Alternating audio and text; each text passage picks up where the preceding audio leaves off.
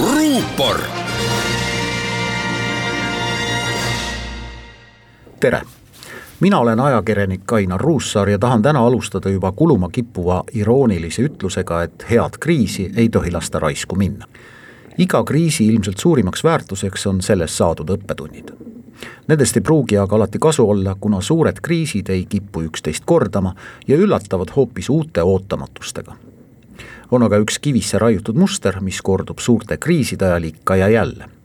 see on kriiside jõuline ärakasutamine poliitikas.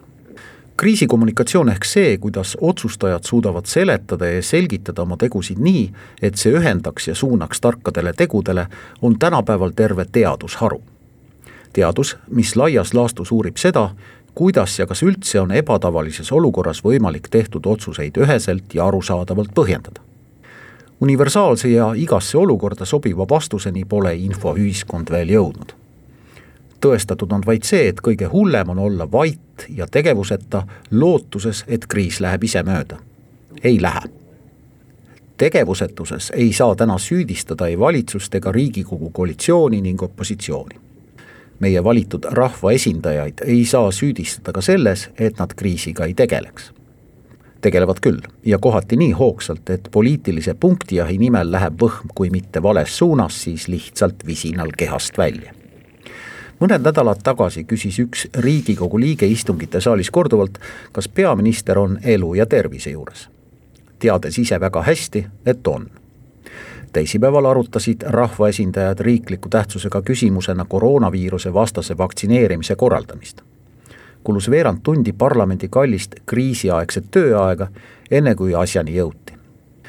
vaktsineerimisest olulisem näis olevat see, kes, miks ja kuidas piirab parlamendiliikme õigusi esitada rohkem kui kaks küsimust. kolmapäeval läks parlamendis päris palju aega süüdistustele. opositsioon süüdistas valitsusjuhti valetamises ja valitsusjuht süüdistas vastaseid selles, et nad ei levita ühesuguseid sõnumeid sõnumeid, mis kutsuvad üles vältima ja vähendama kontakte ning kandma maske. poliitikute jaoks on see viirus niikuinii poliitiline. aga ma usun, et enamuste inimeste jaoks on täna ükskõik, mida Riigikogu liige X ütleb ja mida Riigikogu liige Y arvab enamuste jaoks on oluline see, kuidas viiruse levikut piirata, kas haiglates jätkub kohti ning mil moel koolist koduõppele saadetud lapsed omapäi hakkama saavad mitte ükski otsustaja ei langeta mitte kunagi ainult õigeid või siis kõigile sobivaid otsuseid. tark otsustaja kuulab kriitikat ja mis veelgi olulisem, ka vastaspoolelt tulnud ettepanekuid. Neid viimaseid on parlamendi aruteludel kahjuks nappinud.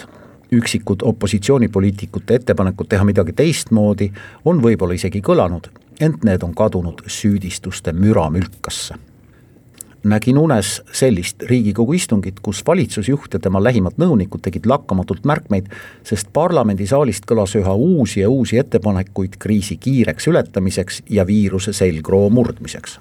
kuulsin ettepanekuid, mis olid läbi analüüsitud, läbi mõeldud ja kaalutud. järgmisel päeval olid nii mõnedki neist opositsiooni ettepanekutest valitsuse laual heakskiitu ootamas, kuna need olid asjalikud ja edasiviivad.